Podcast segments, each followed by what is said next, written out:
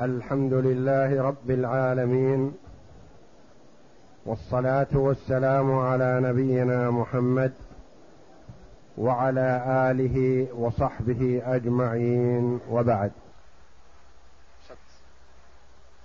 بسم الله الرحمن الرحيم. قال المؤلف رحمه الله تعالى فصل ولكل واحد من الشريكين أن يبيع ويشتري. مساومة ومرابحة وتولية ومواضعة.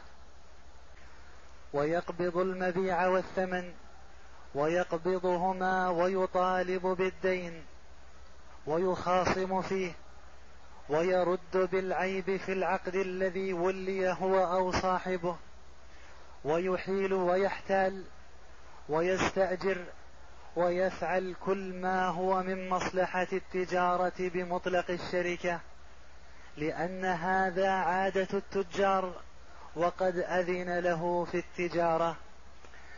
قول المؤلف رحمه الله تعالى فصل هذا فيما يفعله كل شريك في المال الذي بينهما. ما هي الأشياء التي تباح للشريك أن يفعله في الشراكة.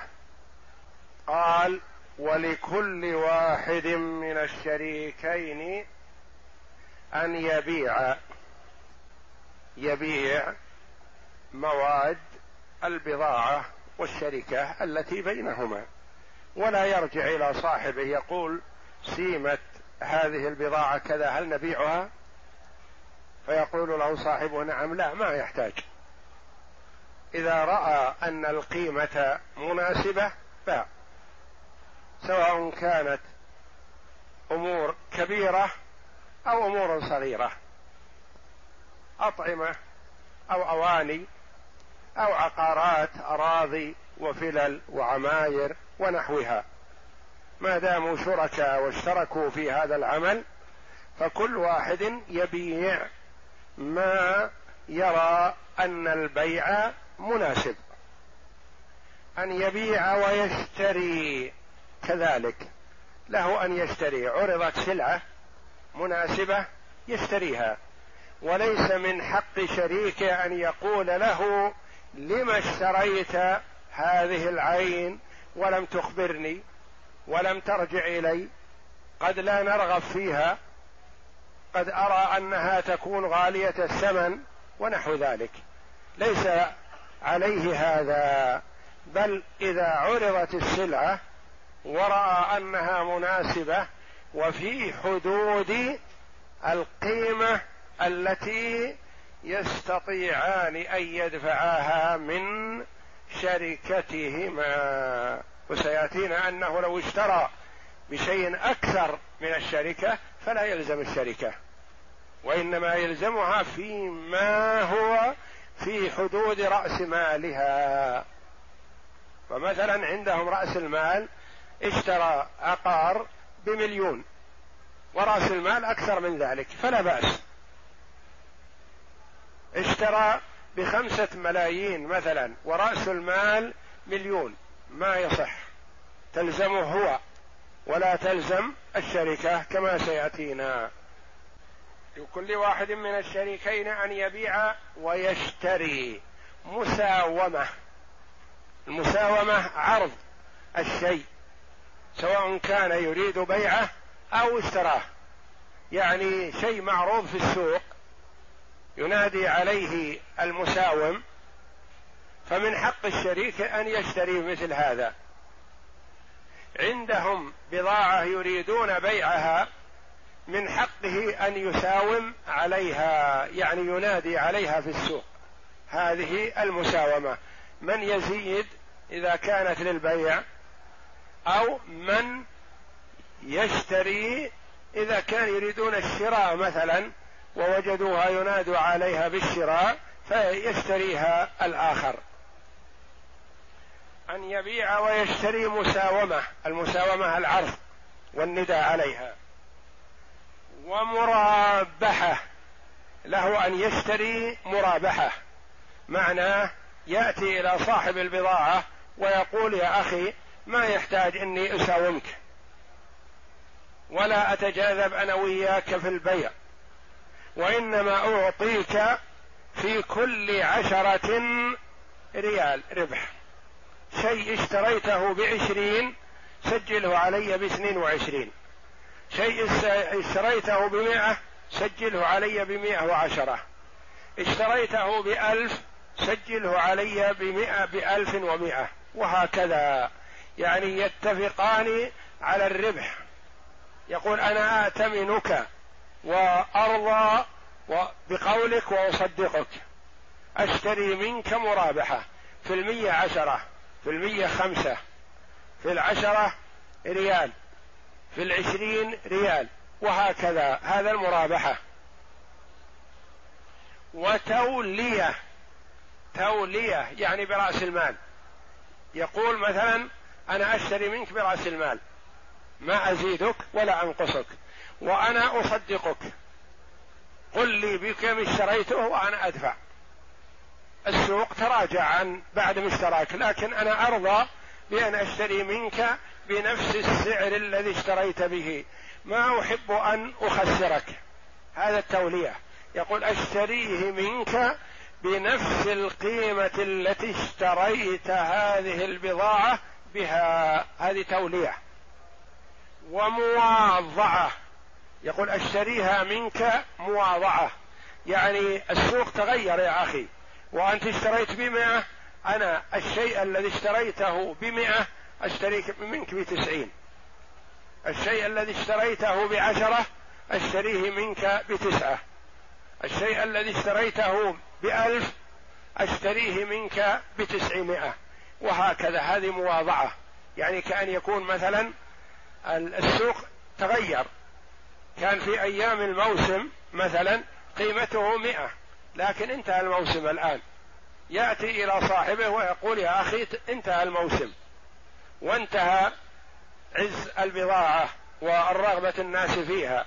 الآن أنا أشتري منك بخسارة عشرة في المئة مثلا أو أقل أو أكثر. هذا يسمى مواضعة. مساومة يعني بيع وشراء وزيادة ونقص. مجاذبة تسعين لا بخمس تسعين ثمانين أقل أكثر يعني مساومة. مرابحة بتقدير ربح محدد. فلا يعنف عليه الشريك الآخر ويقول يا أخي لما تشتري؟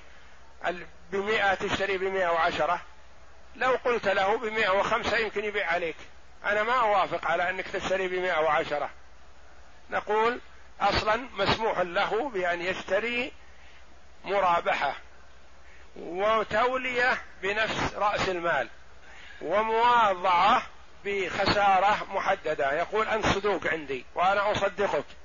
الشيء الذي اشتريته أيام الموسم بمئة أشتريه منك الآن بتسعين. يقول نعم أنا موافق. خسارة عشرة بعد اختلاف السعر وتغير الأسواق ما عندي مانع. الشيء الذي اشتريته مثلا بمئة أنا أشتري منك بسبعين. بخسارة ثلاثين بالمئة. ترضى ولا ما أقبل؟ هذا مواضعة. فالشريك في هذه الشركة يصح أن يشتري مساومة وأن يشتري مرابحة وأن يشتري تولية وأن يشتري مواضعة بدون الرجوع إلى شريكه الآخر. ويقبض المبيع والثمن. يقبض المبيع إن كان مشتري. ولا يقول له صاحبه لما قبضت؟ المفروض إنك تصبر ما تقبض حتى أطلع على البضاعة التي اشتريت. لا من حقه أن يقبض. من حقه أن يقبض المبيع ومن حقه أن يقبض الثمن إذا كان هو بايع. إذا كان الشريك مشتري يقبض المبيع. وإن كان الشريك بايع فهو يقبض الثمن. ولا يرجع إلى صاحبه. ويقبضهما يقبض البيع يقبض الثمن في حالة كونه مثلا شرى ويقبض المبيع في حالة كونه باع. يعني يقبض ويقبض. ويطالب بالدين. من حق الشريك أن يطالب بالدين الذي للشركة.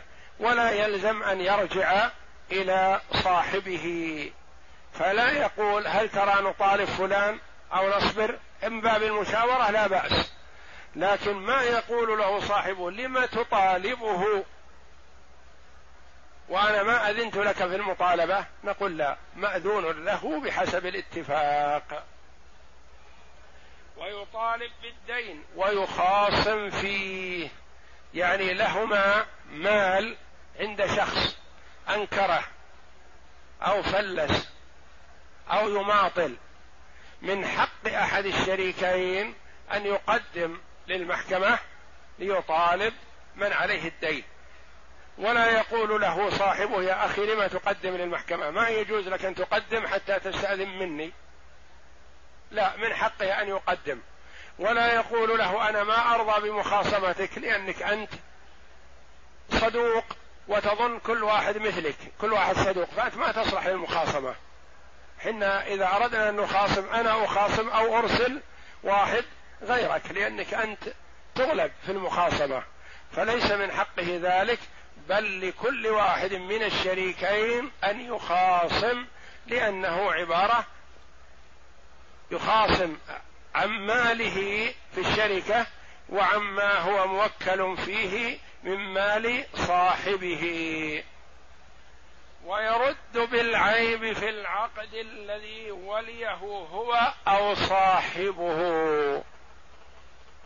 أحدهما اشترى دابة فوجدها الآخر فيها ضلع فيها عرج. فيردها وإن لم يكن هو المشتري لأنها لملكه وحسابه. اشترى سيارة أحدهما الآخر فحص السيارة ووجد فيها عيب. قال لا هذه ما نرضى بها. يذهب ويردها بالعيب الذي وجده. ولا يقال له إن المشتري غيرك ما دام أنه شريك ويتصرف في ماله من حقه أن يرد بالعيب البضاعة التي اشتراها هو أو البضاعة التي اشتراها صاحبه لأنهما عبارة شيء واحد. ويرد بالعيب في العقد الذي وليه هو أو صاحبه يعني وليه شريكه فيرد به. ويحيل ويحتال. يحيل إذا كان لهما دين مستقر على شخص وآخر يطالبهما بحق يقول أعطيك حواله. على فلان. روح خذ حقك الذي عندنا روح خذه من فلان. فالشريك من حقه أن يحيل. كذلك من حقه أن يحتال يقبل الحوالة. إذا ذهب يطالب بحق لهم مثلا ألف ريال عند شخص يقول يا أخي أنا ما عندي الآن ألف ريال لكن لي ألف ريال دين مستقر عند زيد أعطيك عليه حوالة فيقبلها.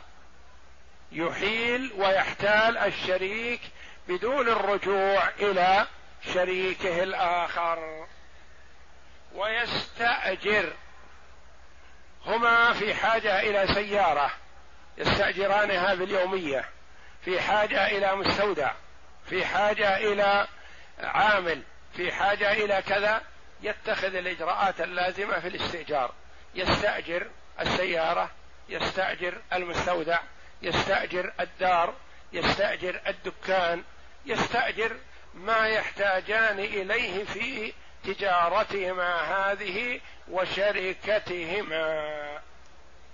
ويستأجر ويفعل كل ما هو من مصلحة التجارة. يفعل كل شيء مثلا يتصل يكلم بالتلفون مثلا بالتلفون فيه مصاريف لهم التزامات مثلا يكلم لأجل يمشي بضاعتهم يتصل بالقريب والبعيد عندنا كذا تشتري مثلا يرسل من يعرض البضاعة يعطي واحد نمونة البضاعة يقول اذهب بها إلى فلان ولك كذا اذهب بها إلى فلان ولك كذا. يعني كل ما هو من مصلحة التجارة فلكل واحد من الشريكين أن يفعلها ولا يرجع إلى شريكه الآخر. بمطلق الشركة يعني وجود عقد الشركة يجعل له هذه التصرفات كلها لأن هذا عادة التجار. ما كان من عادة التجار أنهم إذا كانوا شركاء اثنين واحد مثلا سيم منه بضاعة قال انتظر أستأذن شريكي. لا لأن الزبون يروح يخليه. وإنما يبيع عليه ويستلم. ولا يقول ما أسلمك البضاعة مثلا حتى أستأذن شريكي. لا يسلمه البضاعة حتى يستلم القيمة. وهكذا لأنها جرت العادة أن كل واحد من الشريكين يفعل ذلك. فلو أن الآخر عنف صاحبه فليس من حقه ذلك. وقد أذن له في التجارة وهذا من لوازم التجارة. نعم. وهل لأحدهما أن يبيع نساء أو أن أو يبضع أو أو يبضع أو يودع أو يسافر بالمال؟ يخرج على روايتين. إحداهما له ذلك لأنه عادة التجار ولأن المقصود الربح وهو في هذه أكثر. والأخرى لا يجوز لأن فيه تغريرا بالمال. نعم. وهل لأحدهما أن يبيع نساء؟ النساء المؤجل. يعني هم من عادتهم في محلهم يبيعون البضاعة يدا بيد ويستلمون القيمة. هذه البضاعة مثلا بعشرة باعها بعشرة واستلم عشرة. جاء واحد آخر وقال له أنا ما معي عشرة. أنا أشتري منك هذه البضاعة التي تبيع بعشرة أشتريها باثني عشر ريال. لكن أريد تصبر علي خمسة أشهر ستة أشهر شهر شهرين مؤجل. فباع. هل لصاحبه أن يعنف على هذا ويمنعه أم لا؟ هذا محل خلاف. لما؟ قال لأن هذا فيه خطر. عرضة لأن يتلف أنه ما يسلم. يقول لا يا أخي حنا تعودنا في هذا البلد على أن نبيع يدا بيد. وعادة الناس أكثرهم يشتري مؤجل تغلبه بريالين مثلا زيادة في القيمة ثم يذهب رأس المال كله ما يسلمك شيء. فهذا محل خلاف. قيل يصح لما؟ يصح ينفي زيادة. يقول نحن ما اشتركنا إلا وش نبحث عنه؟ نبحث عن الزيادة وهذا دفع لنا زيادة عشرين بالمئة مثلا اثنى عشر بدل العشرة فيها ربح. فإن نحن نريد هذا. فقول على أنه يصح بيع النساء. القول الآخر أنه لا يصح وإنما يغرمه يصير على حسابه هو. يصير على حساب الشريك الذي باع مخالفة لشريكه لأن فيه تغرير ومخاطرة بالمال. صحيح في مكسب لكن قد يذهب المكسب ورأس المال معا. هل يبيع نسى؟ محل خلاف. أو يبضع يعطيه السلعة يقول هذه بضاعة. هذه نقومها مثلا بمئة. أنت اشتغل بهذه المئة بعها واشتر بدلها وبعها واشتر بدلها. قد يأتيه بعد أيام ويقول المئة البضاعة التي اشتريت منك بمئة بعتها والآن أصبحت مئة وخمسين والحمد لله. وقد يأتيه بعد أيام ويقول البضاعة التي اشتريت منك بمئة قلبتها قلبتها وبعت واشتريت والآن ما صفى منها إلا خمسين. يعني خسرت. ويقول فيه مخاطرة. ولهذا مثل بيع النسى قالوا في رواية يصح لأن فيه تحريك للمال. الرواية الأخرى لا يصح قال لأن فيه مخاطرة لأنه قد يأتيك بعد شهر أو شهرين يقول المئة التي اشتريت منك بمئة الآن ما صفى منها إلا خمسين أربعين ثلاثين راحت خسارات. أو يودع هل له أن يودع؟ يودع المال أو يودع الدراهم؟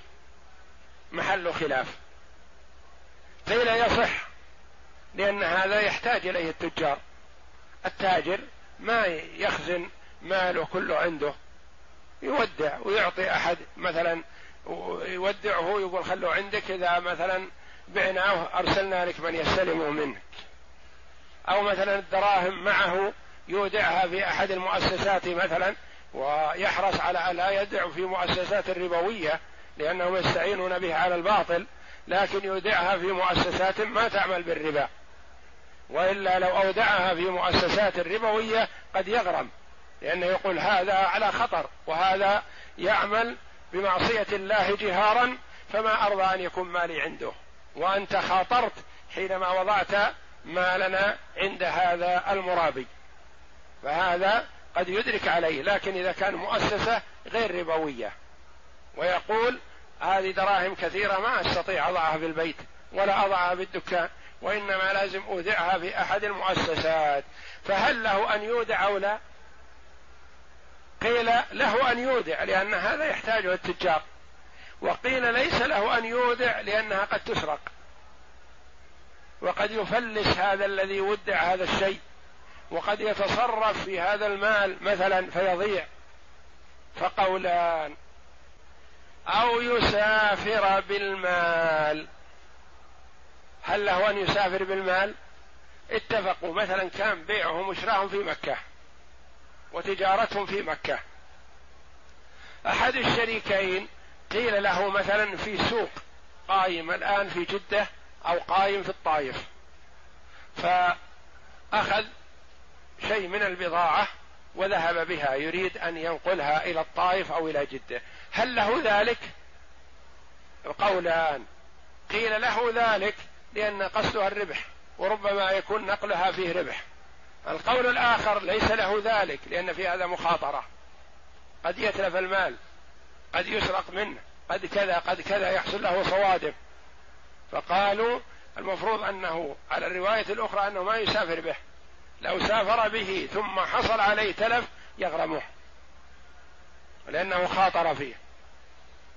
أو يسافر بالمال قال هذه الأمور المعدودة نسى وبضاعة ووديعة وسفر بالمال أربع قال يخرج على روايتين.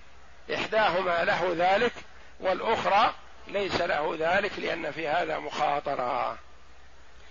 وهل له التوكيل يخرج على وهل له التوكيل؟ يخرج على الروايتين. مثلا الرجل يبيع ويشتري وصاحبه يبيع ويشتري مثله.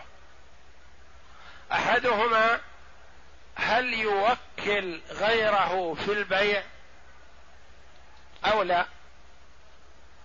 كذلك يخرج على روايتين. قيل له ذلك لأن هذا عادة التجار أن الإنسان ما يباشر كل التجارة بنفسه. لابد من توكيل. يخرج على الروايتين في الوكيل لأنه وكيل وإذا وكل أحدهما فللآخر عزله لأنه وكيله يخرج التوكيل على الروايتين في هل من حق الوكيل أن يوكل كما تقدم لنا؟ قالوا ليس من حقه أن يوكل إذا كان لم تجري العادة في مثل هذا.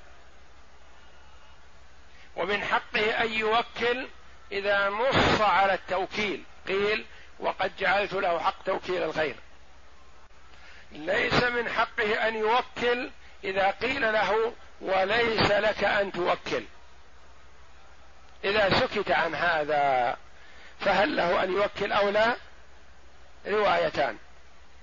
فكذلك هذا الذي الشريك في البضاعة والتجارة هل له أن يوكل أو لا؟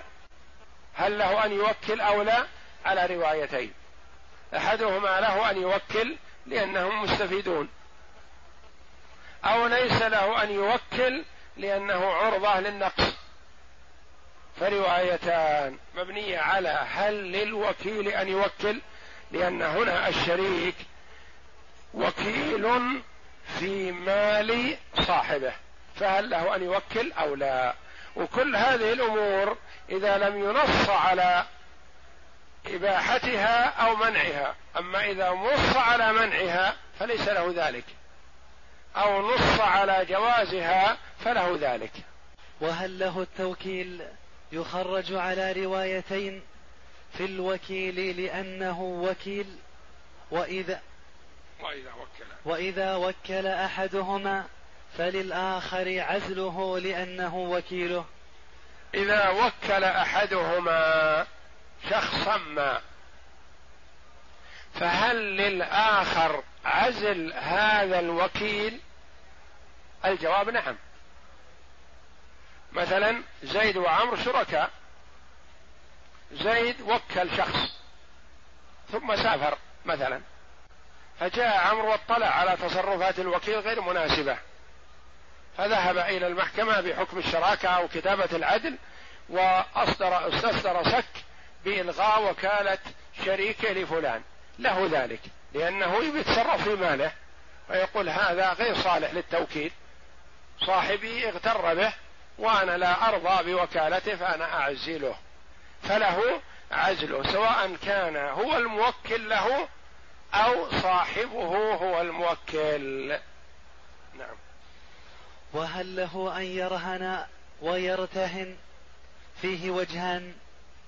أحدهما له ذلك لأن الرهن يراد للإيفاء والارتهان للاستيفاء وهو يملكهما فيملك ما ما يراد لهما.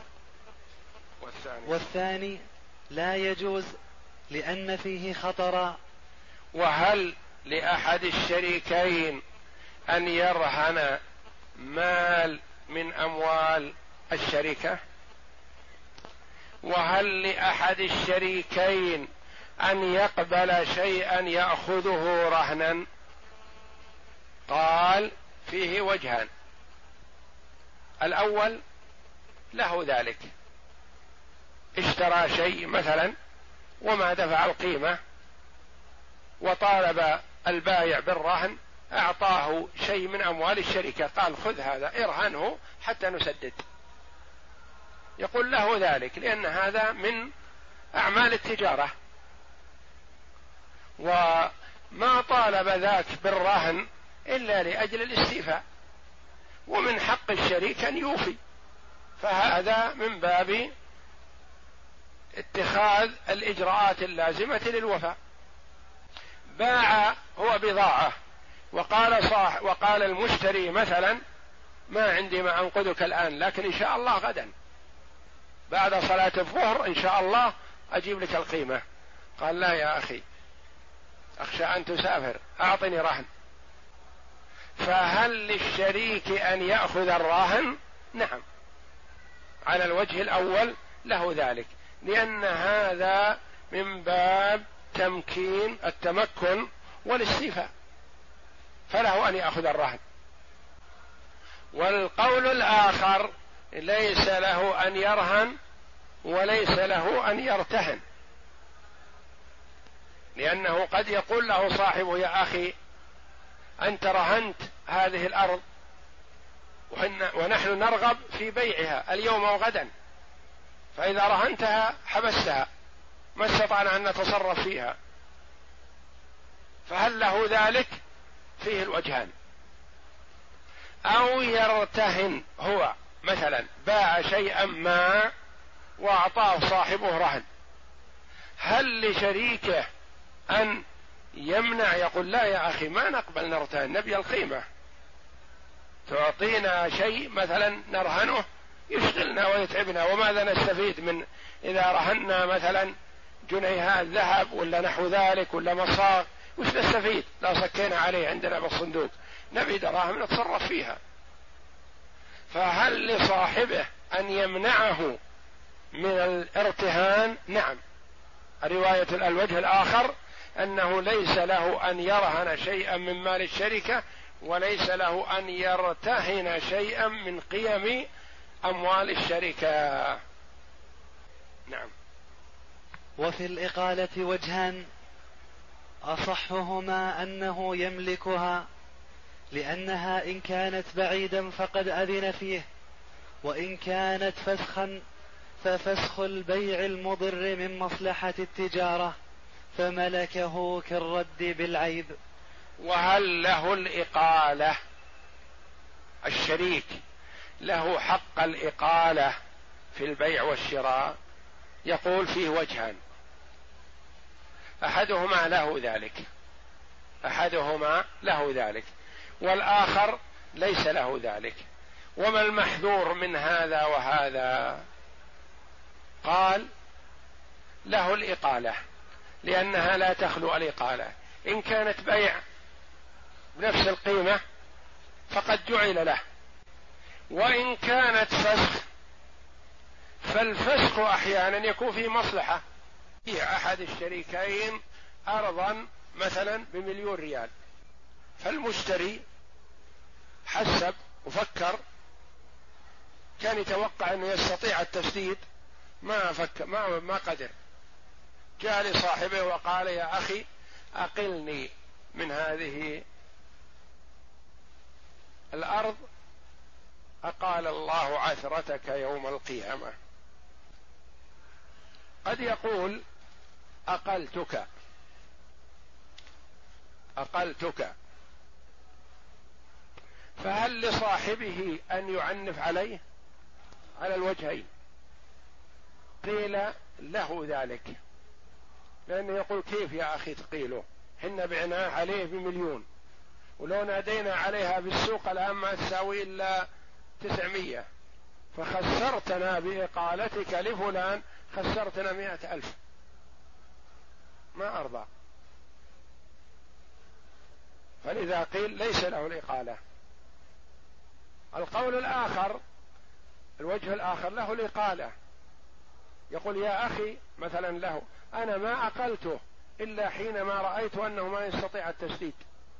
وأرضنا خير لنا من ذمته. فأنا أقلت لمصلحتي ومصلحتك. ما أقلت لمصلحته هو. لأنه ذهب ليحضر القيمة فجاء وقال ما حصلت قيمة. أقلني. فلو امتنعت عن الإقالة أصبحت القيمة في ذمته وذمته ما تساوي شيء. والإقالة في مصلحتي ومصلحتك. على هذا القول له حق الإقالة لأن الإقالة في مصلحة الشركة. القول الآخر الوجه الآخر ليس له حق الإقالة لأنه قد يكون في الإقالة خسارة على الشركة مثل الصورة الأولى. قال يا أخي أنت بعت عليه مئة ألف مليون لو نادينا عليها في السوق ما تساوي الآن تسعمائة خسرتنا مئة ألف بإقالتك لفلان. وأنا يا أخي ما جعلتك هنا لأجل تحتسب. ما جعلتك هنا لشريك لي لأجل تحتسب وتبحث عن الأجر. لا إحنا نريد مكسب. وقد جاء في الحديث من أقال مسلما أقال الله عثرته يوم القيامة. فتستحب الإقالة وهي إحسان. وقد يكون في هذا الإحسان مصلحة للشركة لأن المقال إذا كان ما يستطيع التسديد قد يكون في ضياع لرأس المال كله. وفي الإقالة وجهان. وفي الإقالة وجهان. أصحها أنه يملكها. يعني يملك أحد الشريكين إقالة المشتري أو البايع. نعم. لأنها إن كانت بيعا فقد أذن فيه. لأن خلاف بين العلماء رحمهم الله في الإقالة. هل هي بيع أو فسخ؟ فالبيع إن كانت بيع على القول بأنها بيع فأذن له في البيع. وإن كانت فسخا فالفسخ أحيانا يكون من مصلحة الشركة فله ذلك. وإن كانت فسخا ففسخ البيع المضر من مصلحة التجارة فملكه كالرد بالعيب. والآخر وإن كانت فسخا ففسخ البيع المضر مثل بيع مضر يعني فسخ هذا من المصلحة لأنه يقول مثلا تبقى هذه الأرض له ونحن ومالنا في ذمته ما عنده شيء. فما أرضنا خير لنا من ذمته. نعم. فملكه فملك الرد بالعيب. مثل ما إن أحد الشريكين يرد بالعيب فكذلك يفسخ ويقيل. نعم. والآخر يملكها لأنها فسخ فلا تدخل في الإذن في التجارة. الوجه الآخر قال ما يملك الفسخ الإقالة. لما؟ قال لأن الفسخ ما يدخل في الإقالة ما يدخل في البيع ولا في الشراكة. الفسخ قد يكون إحسان فقط والإقالة إحسان. والشريكان اشتركا طلبا للربح والمال ولم يشتركا احتسابا. والوجه الآخر لا يملكها لأنها فسخ فلا تدخل في الإذن بالتجارة مثل التنازل عن بعض الشيء والأمور التي ليس فيها ربح للشركة كما سيأتينا إن شاء الله. والله أعلم. وصلى الله وسلم وبارك على عبده ورسول نبينا محمد وعلى آله وصحبه أجمعين.